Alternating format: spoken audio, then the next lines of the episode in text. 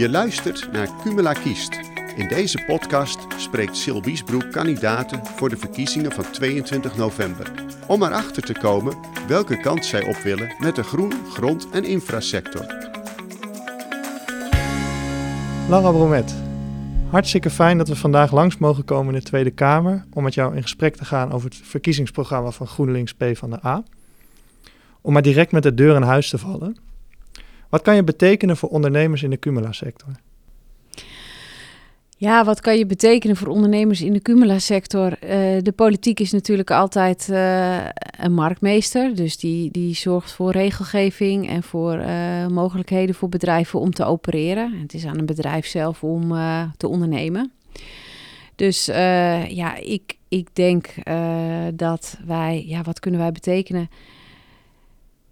Ik denk wel, er zijn grote uitdagingen. En dat is iets waar, GroenLinks PvdA natuurlijk wel door gedreven is. Als het gaat over klimaatverandering, over schoon water, over uh, de stikstofproblematiek en natuurbeheer. Dat zijn allemaal onderwerpen waarbij ik denk dat jullie sector een uh, grote rol spelen. En uh, ja, waarin ik denk dat het soms ook wel uh, ja, wennen zal zijn voor mensen in de sector dat de dingen anders worden. Maar ik zeg altijd maar, uh, wij willen niet uh, heel rigoureus te werk gaan in de zin van dat we bedrijven kapot willen maken. We willen zorgen dat die transitie die nodig is in, de, in, in, in, in Nederland, dat de bedrijven die wel mee kunnen maken. En dat zeker de bedrijven die ook zien dat er uitdagingen liggen op al die terreinen die ik net noemde, dat we die willen ondersteunen. Oké, en hoe ondersteunen jullie die bedrijven dan? Nou ja, kijk, wij, wij, wij zijn eigenlijk de partij van de vervuiler betaald. Dus wij vinden dat vervuilende activiteiten dat die duurder moeten worden. Maar dat degenen die al heel goed bezig zijn, als het bijvoorbeeld gaat over elektrificering, dat je die moet uh, helpen. Dus daar uh, helpen we met subsidies of met uh, belastingvoordelen of met, of met regelgeving. En ik denk ook wel dat wij dus de partij met name zijn voor de koplopers. Maar het is wel de bedoeling dat we die grote groep bedrijven die wel willen veranderen, maar nog niet weten hoe, dat we die kunnen verleiden om ook die veranderingen door te maken. Je bent al langere tijd actief in de Tweede Kamer. Daar zit je, je onder andere in voor een duurzaam stikstofbeleid. Een belangrijk thema voor de achterban van Cumula. Hoe moet dit beleid er volgens GroenLinks P van de A na de verkiezingen van 22 november uit gaan zien? Nou, allereerst is het voor ons uh, heel belangrijk dat de achteruitgang die plaatsvindt als het gaat over de natuur in Nederland en de biodiversiteit die verdwijnt, dat die gekeerd wordt. Dus wij zullen alles langs de lat leggen van uh, natuurbehoud. Maar daarbij weten we ook dat er afspraken zijn gemaakt in Europa over uh, waterkwaliteit die niet op orde is in Nederland. Dat er afspraken gemaakt zijn over het halen van het klimaatakkoord van Parijs. En uh, ja, dat zullen, daar, zullen wij, uh, daar zullen wij onze maatregelen op focussen. En wat verstaan jullie dan precies onder achteruitgang van biodiversiteit? Nou, in de laatste 100 jaar is 85% van de soortenrijkdom in Nederland verdwenen. En uh, kijk, we zijn niet zomaar een land, we zijn een, een delta. als je met een satelliet naar Nederland kijkt, dan zie je echt dat wij ja, in Europa een unieke functie vervullen. En uh, wij vinden dat de, met name de veehouderij eigenlijk helemaal uit zijn voegen gegroeid is en die uh, ja, schade aanricht aan deze unieke delta-natuur. En wij willen dat die, uh, die claim op de ruimte van de veehouderij in Nederland, we zijn, de, we zijn gewoon in absolute zin de tweede landbouwexporteur van de wereld, dat die kleiner wordt. Dus minder veehouderij in Nederland? Nou, ik zou zeggen, uh, misschien wel meer bedrijven, of in ieder geval evenveel bedrijven, maar wel minder vee. Dus uh, wij zullen er alles aan doen om de omstandigheden voor veehouders zo te laten zijn dat ze niet steeds meer vee nodig hebben om hun rekeningen te kunnen betalen. Iets wat de afgelopen 40 jaar natuurlijk wel gebeurd is. Als ik bij een boer ben en ik vraag. Uh, uh, als je nou kan kiezen tussen 50 koeien of 150 koeien en je hebt hetzelfde inkomen, waar kies je dan voor? Dan zeggen ze allemaal 50 koeien. Alleen het beleid van de afgelopen tientallen jaren is natuurlijk steeds gericht op schaalvergroting. En uh, ja, ik denk dat daar zelf maar de boer zelf ook slachtoffer van geworden is. Er zijn ontzettend veel boerenbedrijven verdwenen. En als het beleid zo blijft als het is, dan zullen er nog veel meer bedrijven verdwijnen. En zal de landbouw steeds grootschaliger worden. Ja, ik vind dat een ongewenste ontwikkeling. Ik denk dat het familiebedrijf een uh, heel waardevol iets is om uh, te bewaren in Nederland. En dat je daar dus ook als overheid voor moet zorgen. Ja, hoe wil je ervoor zorgen dat dat soort bedrijven uh, nog geld kunnen verdienen als je minder gebruik maakt van veehouderij? Wat voor rol is er dan voor hen weggelegd? Ja, het is natuurlijk heel raar dat wij in Nederland uh, de grootste landbouwexporteur van de wereld zijn op één na, op Amerika na. Maar dat we tegelijkertijd uh, een land hebben waar de grondprijs heel hoog is en de levensstandaard ook heel hoog. Dus als je moet concurreren op een wereldmarkt, dan is het ontzettend moeilijk als die vaste kosten zo hoog zijn. Dus ik, ik zou zeggen, uh, Nederland zou zich veel meer dan nu moeten richten op kwaliteit in plaats van kwantiteit. Dus geen bulkproductie, maar kwaliteit. En kwaliteit, dat, uh, ja, dat, dat, dat, dat vereist ook dat er meer betaald wordt voor producten. En ik denk ook dat het uh, niet houdbaar is dat de voedselprijzen zoals die nu in Nederland uh, zijn, dat die, uh, dat die zo laag kunnen blijven als je gaat voor een kwaliteitsstandaard. En als je gaat voor minder export en meer, meer gewoon zorgen voor je eigen producten in Nederland. En dan zeggen mensen altijd tegen mij van ja, maar ook arme mensen moeten de boodschappen kunnen blijven betalen. Dat ben, ik als, ben, ik, ben ik natuurlijk 100% mee eens. Dan zeg ik altijd, en daarom zijn we een linkse partij. Wij zijn voor herverdeling. Wij vinden dat de minimumlonen omhoog moeten. Wij vinden dat de uitkeringen hoger moeten. We vinden dat de hoge inkomens zwaarder belast moeten worden. En dat is allemaal omdat we vinden dat iedereen in staat gesteld moet worden om duurzame producten in de supermarkt te kopen.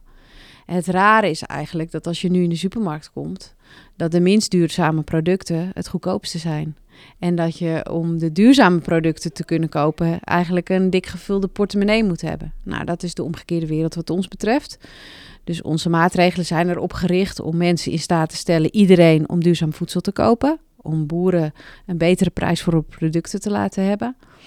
En, uh, en uh, die boeren ook te laten uitblinken in het maken van kwalitatieve, goede, bijzondere producten. In plaats van anonieme wagens vol melk die uh, als poeder verkocht worden aan China. Duidelijk. Als voorstander van een nieuwe nationale omgevingsvisie pleit GroenLinks PvdA om, en ik citeer, niet langer met vrijblijvende doelen te werken, maar normeringen en transitiepaden vast te leggen in bindende juridische instrumenten. Wat moeten we daaronder verstaan? Ja, het gaat eigenlijk over wet en regelgeving. Dus um, dat uh, een heleboel uh, dingen die kun je gewoon doen als uh, ondernemer. Terwijl ze wel schade aanrichten aan andere maatschappelijke doelen. Dus als het gaat over luchtverontreiniging of um, waterkwaliteit. Het water is in principe van ons allemaal. En het is niet de bedoeling wat ons betreft dat er één sector is die of dat water ge gebruikt of dat water vervuilt. En dat de kosten van het schoonmaken van het water weer terechtkomen bij, ja, bij, de, bij de maatschappij. Dus als je als je regels maakt, dan kun je ook gewoon zeggen: bepaalde dingen zijn verboden. Wij willen een verbod op glyfosaat bijvoorbeeld, omdat we zien dat er veel te veel resten van glyfosaat in de leefomgeving terechtkomen. En uh, nou ja, zo kan je nog wel honderd voorbeelden verbieden van dingen die wij niet meer willen. En dat is uh, moeilijk voor bedrijven die die middelen wel allemaal gebruiken of die die technieken wel gebruiken. Maar het is een voordeel voor die duurzame bedrijven die die middelen niet gebruiken. En mijn streven is er eigenlijk wel na om die 10% koplopers die we hebben in Nederland, 10% agrarische koplopers grofweg, om die een voorbeeld te laten zijn voor de hele grote middengroep en om die ja, mee te laten gaan richting die groene koplopers. Ja, en bij introductie van nieuwe regelgeving ontstaat vaak ook angst dat de bewegingsvrijheid wordt ingeperkt. Uh, blijft er dan nog wel bewegingsvrijheid over voor ondernemers om vanuit eigen initiatief te verduurzamen? Ja, kijk, elke regel die opgesteld is, is niet voor niks opgesteld. Die is altijd opgesteld om een bepaald belang te beschermen. Ik denk wel dat de regeldruk zo groot is geworden dat je ook door vermindering van regeldruk ondernemers kan verleiden om een andere bedrijfsmodel te gaan uh, uitoefenen. Dus ik had het net over die duurzame koplopers. Uh, ik hoop heel erg dat we in de volgende periode bepaalde bedrijven die voldoen aan duurzaamheidsstandaarden kunnen vrijstellen van bepaalde regels. Want de regels zijn in Nederland heel erg generiek opgesteld. Terwijl bepaalde, en die regels die zijn om, om, om, om, om andere belangen te beschermen. Maar als jij bijvoorbeeld geen kunstmest gebruikt op je bedrijf. En je gebruikt geen bestrijdingsmiddelen en je gebruikt geen krachtvoer. Dan kan ik me ook voorstellen dat er een heleboel regels die generiek opgelegd worden. Dat je, daar, dat, je, dat je je daar niet meer aan hoeft te houden. En, en, en op die manier uh, ja, maak je het voor ondernemers ook makkelijker om, uh, om te kunnen doen wat ze willen. Maar dan wel binnen die randvoorwaarden die, uh, die het milieu beschermen. Ja, dus dan komt dat terug op wat je eerder zei: de vervuiler betaalt. En de koploper die krijgt vrijstelling. Ja, zeker. Ja. Dus ik zou echt de koploper echt heel erg willen pamperen. En, uh, en, uh, en de middengroep die wil, wil verduurzamen, maar nog niet weet hoe, ja. uh, die, naar die koplopers te laten kijken, om te kijken hoe het ook kan. Maar hoe ga je dan investeren als je niet weet wat de regelgeving in de toekomst gaat zijn? Want het kost natuurlijk een hele hoop geld om te verduurzamen. Zeker. maar als er straks andere criteria voorkomen, wat bijvoorbeeld duurzaam investeren is. Ja. Ja, dus dat vereist ook wel, zeg maar, van ondernemers. En de ene is daar beter in dan de ander. Om ook goed te kijken naar de maatschappelijke ontwikkeling. Want je bent, uh, je bent ondernemer en daar hoort ook bij dat je om je heen kijkt wat er in de wereld gaande is. Dus als jij weet dat, um, uh, dat, dat het, het streven is naar een klimaatneutraliteit in 2050 en je doet een investering voor 25 jaar, dan weet je dat het misschien soms handig is om te kijken naar elektrificering in plaats van nog een nieuw dieselapparaat te kopen. En um, uh, dat is wat je bij de ondernemer zelf legt, wat de ondernemer zelf kan doen aan, uh, aan uh, ondernemerschap. Maar ik vind dat de overheid daarin ondersteunend moet zijn. En dat kan met regels, hè, regels stellen. Dat kan met subsidies voor duurzame uh, machines bijvoorbeeld. Maar dat kan ook met uh, belastingen. En dan heb je belasting op vervuilende producten en uh, belastingvrijstellingen op niet vervuilende producten. Ja, je noemde net al even de elektrificatie van het wagenpark. Er zijn nogal wat problemen met het elektriciteitsnet. Ja. Uh, je hebt ook veel ondernemers die wel willen investeren in elektrische machines, maar simpelweg geen aansluiting kunnen krijgen ja. uh, op het elektriciteitsnet en daarom dat niet doen. Uh, hoe willen jullie die problematiek oplossen? Ja, dat is echt heel erg, want het is niet iets van vandaag of morgen. Dus wij hebben daar al jaren voor gewaarschuwd. En dat werd door de partijen die in de regering zaten altijd een beetje weggewuifd. Maar we lopen nu keihard tegen de grenzen van wat het elektriciteitsnet aan kan aan. Dus uh, verzwaring van het elektriciteitsnet is een van de eerste dingen die we aan willen pakken als wij, uh, als wij in de regering zitten. Dat is echt prioriteit nummer één. En wie krijgt er dan prioriteit? Ja, dat is uh, natuurlijk ook uh, per regio verschillend. En we hebben gezien dat bijvoorbeeld die datacenters uh, onbeschaamd voorrang nemen. Het is goed dat daar nu regels over opgesteld worden. En dat je heel goed gaat kijken naar wat de grootste maatschappelijke relevantie heeft en wie daar voorrang op moeten krijgen. En dat zijn wat GroenLinks betreft, GroenLinks PvdA betreft, zijn dat niet per se de mensen met de, of de bedrijven met de dikste portemonneeën. Dus dat is een maatschappelijke afweging die je moet maken. Zijn dat dan MKB'ers? Nou ja, MKB, MKB'ers, dat is niet één grote groep. Hè? Dat is, dat, die, die doen ook allerlei verschillende dingen. Maar als het bijvoorbeeld gaat over jullie sector. En uh, kan ik me voorstellen dat als het gaat over uh, bijvoorbeeld projecten die belangrijk zijn voor de verduurzaming van de energievoorziening. Of projecten die belangrijk zijn om ons land tegen overstromingen te behoeden. Dat die voorrang krijgen op andere projecten die minder urgent zijn. Maar ik heb geen lijstje waar van 1 tot en met 100 wat het allerbelangrijkste is. Maar ik denk dat je daar ongeveer aan moet denken. Dus vanochtend toen ik hier naartoe ging, kwam ik een uh, loonwerker tegen die de sloot aan het baggeren was. Hè. Dat gebeurt in deze tijd van het jaar. Dat moet wel blijven gebeuren, want anders dan krijgen we natte voeten. Ook nog even terugkomen op stikstof. In het verkiezingsprogramma spreken jullie de wens uit om het land van het slot te halen en te investeren in woningbouw en de energietransitie. Hoe realiseer je dit met, het met de huidige stikstofproblematiek? Ja, dat is iets waar we al vier jaar heel uh, hard mee bezig zijn. En wat uh, op zich niet zo heel erg ingewikkeld is. Alleen, ik kan het nu opnoemen. Dus dat betekent een reducering van de veestapel, minder luchtvaart, schonere, energie, schonere, schonere industrie, alle stikstofbronnen aanpakken. Alleen als je dat in de praktijk moet gaan uitrollen, dan zie je wat voor weerstand daar ontstaat. Het punt is alleen dat als je niks doet, zoals de afgelopen vier jaar gebeurd is, dat er andere belangen in het gedrang komen. En dat er geen huizen meer gebouwd kan worden, dat, uh, dat er geen duurzame energie opgewekt kan worden. Ja, en dat vereist uh, moedige en dappere bestuurders die door de weerstand die er is, uh, toch overgaan tot reducering van die stikstofuitstoot. Nou, we zijn eigenlijk de afgelopen vier jaar alleen maar 100 km per uur gaan rijden. Dat is de enige maatregel die getroffen is. Uh, ik denk echt dat uh, de veestapel fors naar beneden moet, misschien wel met 50 procent. GroenLinks PvdA kiest ervoor om dan uh, te beginnen met de intensieve veehouderij. En de grondgebonden, ve en de grondgebonden veehouderij wel de ruimte te laten. maar bijvoorbeeld vliegveld Lelystad moet van ons ook niet open gaan. En Schiphol moet ook minder vluchten krijgen. Dus ja, het is een heel pakket. En welke ruimte is er dan voor innovatie bijvoorbeeld in dit verhaal? Ja, innovatie is ook een containerbegrip. We hebben wel gezien dat, dat partijen die beweren dat je uh, door kan gaan op de huidige voet met nieuwe stalsystemen, dat dat een uh, illusie is gebleken. Dus uh, dat vind ik ook echt een heel pijnlijk hoofdstuk in de, in de geschiedenis van de veehouderij. Waarin de overheid eigenlijk boeren gedwongen heeft om hele dure stalsystemen aan te laten schaffen die niet werken. En uh, ja, wie, wie, is daar, wie is daar nou beter van geworden, behalve alleen de stallenbouwer? Want de boer die heeft een lening bij de Rabobank die nog afgelost moet worden. De natuur is er niks bij opgeschoten. En uh, ja, wat de toekomst brengt, weet eigenlijk niemand. Dus ik, ik zou zeggen, als je nou zorgt voor een kleinere veestapel in Nederland. En als je dan zorgt voor de boeren die wel blijven, dat die ruimte hebben om te ondernemen. Dan hoef je niet te grijpen naar innovaties in stalsystemen, als ze niet werken. Maar dan kan je gewoon, uh, ja, dan kan je gewoon boeren. Ah, dat is ook waar ik net naar refereerde, denk ik.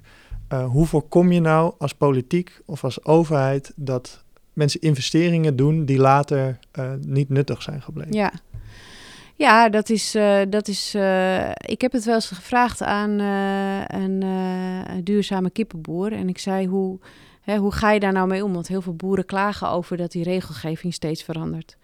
En toen zei hij tegen mij: Ik doe alleen investeringen die ik in vijf jaar terug kan verdienen omdat ik weet dat de regels over vijf jaar weer aangescherpt gaan worden. En dat is, uh, ja, dat is ook een manier van kijken. Dat is wel heel ingewikkeld natuurlijk, omdat de afschrijvingen van uh, zulke hele dure innovaties vaak veel langer vergen.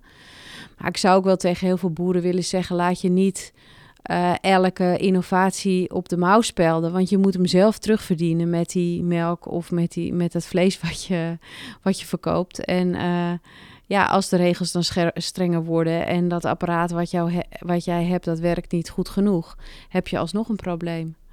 Dus ja. De inzet van elektrische machines uh, kost naast de aanschaf ook heel veel geld. Moet de overheid daar de beurs voor trekken? Nou, allereerst vinden wij uh, het altijd goed dat er gesubsidieerd wordt, dus bij de aanschaf. Maar voor de rest zit in onze plannen ook dat bij het gebruik uh, van energie er ook gekeken wordt naar die transitie die we moeten maken. Dus wij willen elektriciteit goedkoper maken, relatief ten opzichte van uh, fossiele brandstoffen. Elektriciteit kan je opwekken met zon, kan je opwekken met wind. En de fossiele brandstoffen zijn slecht voor het klimaat. Dus uh, we gaan langzamerhand toch naar een samenleving waarin die fossiele brandstoffen steeds duurder worden en de elektriciteit relatief goedkoper. Dan een ander thema dat speelt onder leden van Cumula, veiligheid. Jullie pleiten voor een harde aanpak van georganiseerde misdaad. Uh, hierbij wordt vooral gedoeld op de aanpak van drugscriminaliteit. Hebben jullie hierbij ook oog voor uh, de georganiseerde GPS-diefstal die veel plaatsvindt in het buitengebied nou ja, dat is gewoon een onderdeel van het uh, brede criminaliteits, uh, van de brede criminaliteitsaanpak. En of je nou een huis binnengaat of dat je apparatuur uit, uh, uit machines steelt, dat is natuurlijk in principe hetzelfde. Wat wel een probleem is, is natuurlijk dat vooral in het buitengebied heel weinig politie aanwezig is. Dus wij willen wel dat er gewoon veel meer zichtbare politie op straat is. En dat mensen een veilig gevoel hebben. En dat er ook in het buitengebied oren en ogen zijn die in de gaten houden wat daar gebeurt. Nou ja, je kan wel zeggen dat dit een andere vorm van criminaliteit is, omdat dit rondreizende georganiseerde bendes zijn die deze diefstallen plegen. Vraagt dat niet om een specifieke aanpak? Ja, dat weet ik niet. Um, Nou, dat, dat, weet, dat weet ik eerlijk gezegd niet. Ik, het is ook niet de justitiële kant van eh, zit niet zo heel erg in mijn portefeuille. Ik vind het wel belangrijk dat de politie zichtbaar is. En ik vind het ook wel dat je het aan de politie over moet laten om die technieken in te zetten die nodig zijn voor bepaalde uh, criminaliteit. Die expertise heb ik niet, heeft de politie wel. Dus uh, uh, ja, mijn grootste zorg is dat we de politie dus in staat stellen om die maatregelen te treffen die ook effectief zijn om die veiligheid te garanderen. Er lijkt in de Tweede Kamer overeenstemming over de gedachte dat meer werken beter moet lonen. Hoe willen jullie een situatie waarin meer werken minder goed loont in de toekomst voorkomen? Ja, dat is, in Nederland zijn de lasten op arbeid eigenlijk relatief hoog en die willen wij verlagen. Dus wij vinden dat, arbeid, uh, dat de, de, de, lasten voor arbeid dat die lager moeten zijn en dat de lasten op producten hoger moeten zijn. Dat vergt natuurlijk ook een hele omslag in, eh, in ons economisch systeem. Maar het is wel de bedoeling dat het uh, uiteindelijk zo is dat werken moet lonen. En dat je als je, als je meer gaat werken, dat je dan ook hè, dat je eh, meer gaat verdienen. Uh, en het heeft ook te maken bijvoorbeeld met het hele toeslagenstelsel, waar wij ook vanaf willen. Dus uh, en dat zal niet allemaal 1, 2, 3 voor elkaar zijn, maar daar hebben we wel allemaal plannen voor. Willen jullie helemaal van toeslagen af? Of uiteindelijk wel. Ja, uiteindelijk willen we wel van de toeslagen af. Um, maar eh, we hebben wel een soort prioritering gemaakt in welke toeslagen we het eerste vanaf willen. En bijvoorbeeld de kinderopvangtoeslag is iets wat wij, uh, waar wij echt vanaf willen. Afgelopen uh, begrotingsbehandeling was de neiging om wensen rond bestaanszekerheid bij het bedrijfsleven neer te leggen. Moet dat ook gebeuren bij MKB-bedrijven?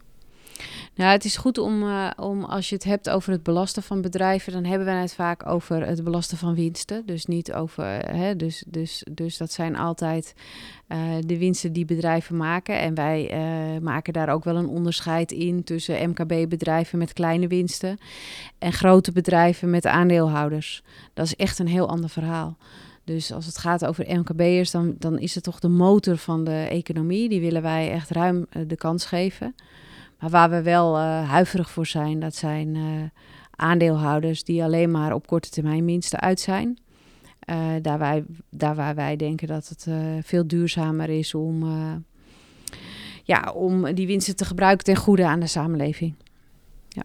Oké, en hoe ziet dat onderscheid wat jullie dan bijvoorbeeld maken tussen multinationals en kleinere bedrijven daaruit? Ja, dat heeft te maken met de omzet en de mate waarin je grote bedrijven belast. En wij willen bijvoorbeeld dat de, uh, dat de lonen omhoog gaan aan de onderkant van de arbeidsmarkt. En dat moet je dan ergens vandaan halen. En dat halen we dan toch bij het uh, belasten van die grote winstgevende bedrijven met de aandeelhouders uh, weg. Duidelijk. Jullie hebben ambitieuze klimaatdoelen. Daar hebben we het net al even over gehad. de doelen om grondstoffengebruik terug te dringen en de economie circulair te maken, willen jullie verankeren in een nieuwe grondstoffenwet. kan je kort omschrijven hoe deze wet eruit gaat zien? Uh, nou, die wet is er nog niet, dus die, die, die, die kan ik niet helemaal omschrijven. Maar het principe is natuurlijk dat ook grondstoffen op aarde eindig zijn. En dat, we, dat wij niet oneindig uh, die grondstoffen kunnen aanspreken. En dat een heleboel grondstoffen ook hergebruikt kunnen worden. En dat is iets, denk ik, waar uh, we nog maar aan het begin staan van een hele omslag. En nou, gaat bijvoorbeeld bij huizen om, als je een huis bouwt. Uh, kijk dan bij de bouw al wat je gaat doen met, die met, met, met het afval van, van dat huis als je het weer af gaat breken. En daar, zo, zo denken we nog helemaal niet. En uh, ik denk dat die grondstoffenwet daar uh, op gestoeld zal zijn. En om het belonen van circulariteit en om het afstraffen van verspilling van grondstoffen. Dus bijvoorbeeld binnen de landbouw zouden jullie meer terug willen naar kringlooplandbouw? Ja, dat is ook, dat is ook weer zo'n begrip waar iedereen een andere invulling aan geeft. Maar um, het is wel zo dat wij af willen van die eindeloze import uit het buitenland aan krachtvoer. Dat we gewoon willen dat uh, wat Nederland uh, kan opbrengen aan krachtvoer voor dieren. En wat Nederland nodig heeft aan mestafzet. Dat dat, dat, dat de beperking is die aan de veehouders gegeven wordt. Dat is de bel hè, van de ja, Tweede Kamer. Ja, ja, ja. Je had het over de beperking van mest. Ja, dus zeg maar, als je, als je, als je in een kringloopgedachte, dan, dan wij hebben een veestapel in Nederland waar we krachtvoer moeten invoeren vanuit het buitenland en waar we met het restproduct mest komen te zitten waar we niet weten waar we het moeten laten.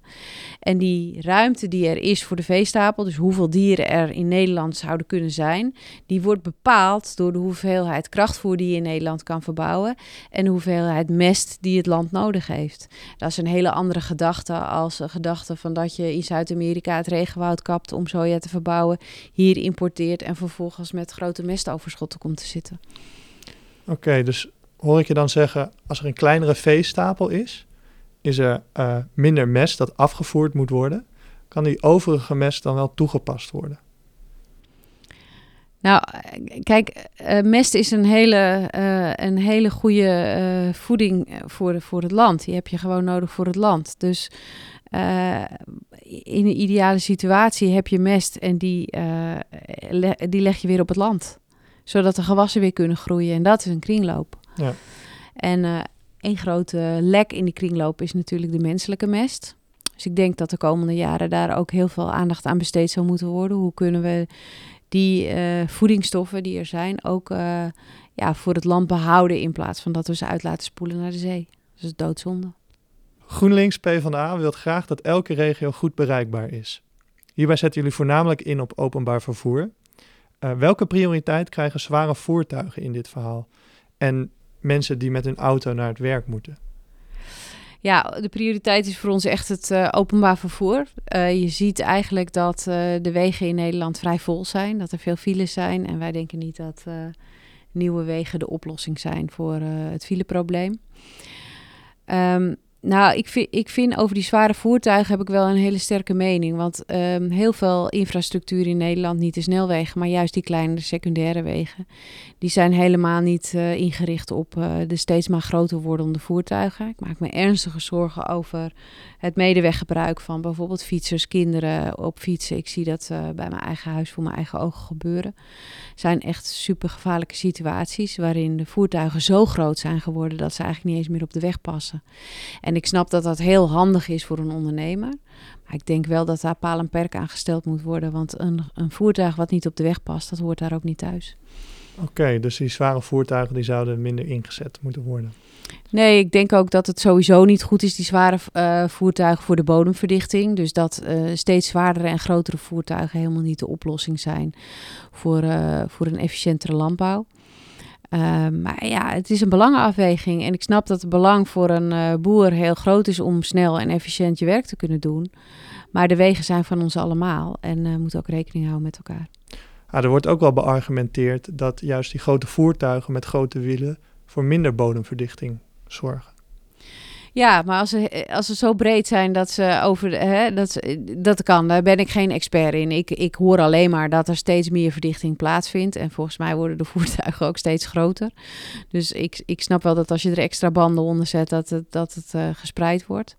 Maar uh, ja, de, de, de hele race to the bottom naar steeds meer efficiëntie en uh, steeds hogere opbrengst dat is niet de weg die wij op willen met de landbouw. Dus ja, als je, als je, als je meer stuurt op kwaliteit, zoals ik al eerder betoogde, dan uh, hoop ik ook dat het uh, niet nodig is om alles tot de allerlaatste cent uit te melken. Mm je gaf net al aan, we willen minder snelwegen in Nederland. Toch is het belangrijk voor uh, ondernemers in de Cumula-sector dat in het buitengebied plekken goed bereikbaar blijven.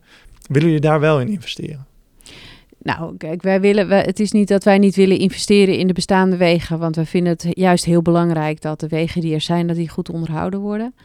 En uh, we vinden het ook belangrijk dat uh, werkmachines, uh, dat die gewoon ergens kunnen komen. Dus ik, wij hebben helemaal niks tegen werk aan de weg. We hebben niks tegen wegafsluiting als het nodig is. Dat is alleen maar nodig en goed. En dat is een ongemak dat we als samenleving gewoon moeten nemen. Um, maar het is wel goed om rekening te houden met elkaar daarin. Dan tot slot. Nederland lijkt soms een land van tegenstellingen geworden. Klimaat tegenover economie, ondernemers tegenover politici en arm tegenover rijk. Hoe gaat GroenLinks PvdA daarmee om? Nou, allereerst hebben wij een tegenstelling tussen onze twee politieke partijen al overbrugd door uh, samen de verkiezingen in te gaan. En dat voelt heel goed, moet ik zeggen. Ik ben zelf ook een verbinder, dus ik probeer ook altijd uh, de verbinding te zoeken met andersdenkenden, met mensen die andere belangen hebben. En dat is het mooie van democratie, dat je eigenlijk in een strijd met woorden probeert om oplossingen te vinden voor de problemen van Nederland. En dat is ook waar wij voor staan. En uh, ik hoop dat we met heel veel Kamerleden en uh, in een kabinet de volgende periode uh, Nederland mooier kunnen maken en de mensen in Nederland gelukkiger. Laura Bromet, hartelijk dank voor dit interview en succes met de campagne.